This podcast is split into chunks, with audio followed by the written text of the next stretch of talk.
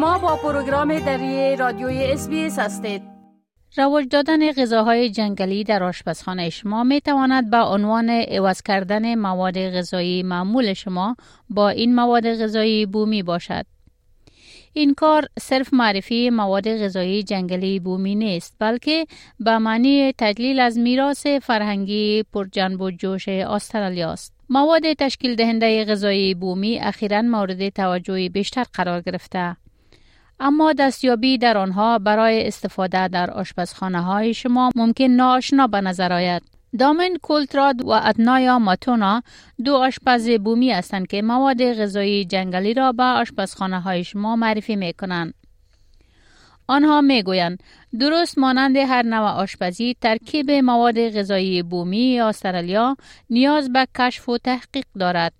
و چی زمان بهتر از فصل تجلیل کریسمس برای شروع این اکتشاف تعمدار خواهد بود. But ultimately, those who are cooking at home, what we like to encourage is this experimentation with the different natives and just embodying it and celebrating it within your cooking. So for Christmas, how many different meals they get brought out, salads to desserts to beverages, hot and cold to, to cocktails. There's a range of different ways they can use it and access that. And there's many different recipes online as well. با جای دسترسی به یک دستورالعمل کاملا جدید با مواد غذایی بومی مواد تشکیل دهنده منظم خود را با این مواد غذایی بومی جاگزین کنید. با عنوان مثال در سالات شما می توانید در عوض سبزی پالک از سامفیر که یک نوع سبزی خودرو در جنگل است استفاده کنید. در هنگام استفاده خوشبویی و مساله زدن مواد غذایی جنگلی بهترین و ارزانترین انتخاب خواهد بود. ارابیلا دگلس یک خانم بومی از منیابول مؤسس کری کانتری اولین خانم بومی است که مواد غذایی جنگلی بومی را معرفی نموده است. او پیشنهاد می کند هنگام در نظر گرفتن مواد غذایی بومی یکی از سوالات اولیه‌ای که باید از خود بپرسیم این است که چی چیزی با تابستان این نیمکره جنوبی ماهنگ است. So if anyone wants to say to me what is a native or a traditional Christmas from a First Nations perspective, that is nothing more than asking what is an ecological reality for this continent in the season of December. And that is fresh food, fresh seafood, light eating, everything natural, everything native. Prawns and seafood, they are extremely on point, both they're native course, all seafood is native, but seafood is exactly what we should be eating. ماهی و خرچنگ برای خانواده های منیان بول ضروری است و روش این است که چاشنی هایی را که با آن همراه است استفاده کنید. او بر اهمیت آماده سازی این نوع آشپزی تاکید می کند. خوراکه شیرین پاولاوا در طول فصل جشن کریسمس در استرالیا بسیار مروج است. و به عنوان یک خوراکی که مواد غذایی جنگلی در آن بیشتر استفاده می شود عمل می کند.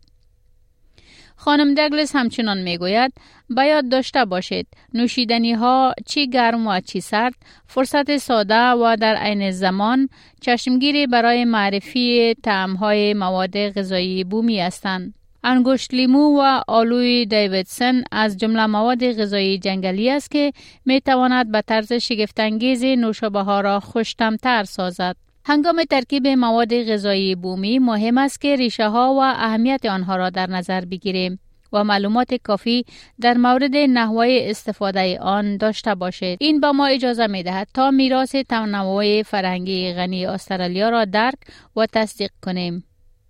تجلیل شناخت و درک ریشه های این مواد یک راه معنیدار برای احترام به میراث فرهنگی استرالیا است. Make an effort, identify the state, maybe the language name, connect it to an Aboriginal nation, kind of build up the storyboard about it, make it a real celebration. that gives you a true appreciation for what you're having and hopefully a love and a passion for. And I really believe once you have a love and a passion for a particular thing or a topic, that really drives your decision moving forward, whether it be travel, whether it be engaging in a food experience, whether it's appreciating that cultural heritage, whether you're from Australia or outside of Australia.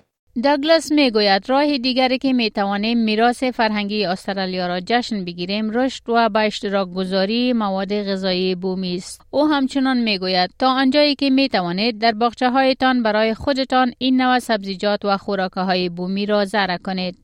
هیچ چیزی به اندازه دریافت آنچه که از باغ خود می گیرید دوست داشتنی نیست و من تاکید می کنم و به مردم می گویم گیاهان بومی را به یکدیگر بدهید و سوپرمارکت های کوچک خود را از این مواد غذایی بین دوستان و خانواده خود ایجاد کنید. Grow as much as you can for yourself. There's nothing quite as lovely as just getting what you need from your garden. And I know that sounds really daggy, but I would say to people, give each other plants and create your own little supermarket between your friends and your family and become your own exchange. Like that would be a beautiful Christmas because in that liberation where you opt out of these big chains, you actually find community. میراث فرهنگی غنی استرالیا را در این فصل جشن با ترکیب مواد غذایی بومی در غذاهای این زمان تعطیلات جشن بگیرید. این تغییرات ساده طعم جدید و خوشمزه را به شما می آورد و یک طعم متفاوت را در غذاهای شما علاوه می کند. بپسندید، شریک سازید و نظر دهید.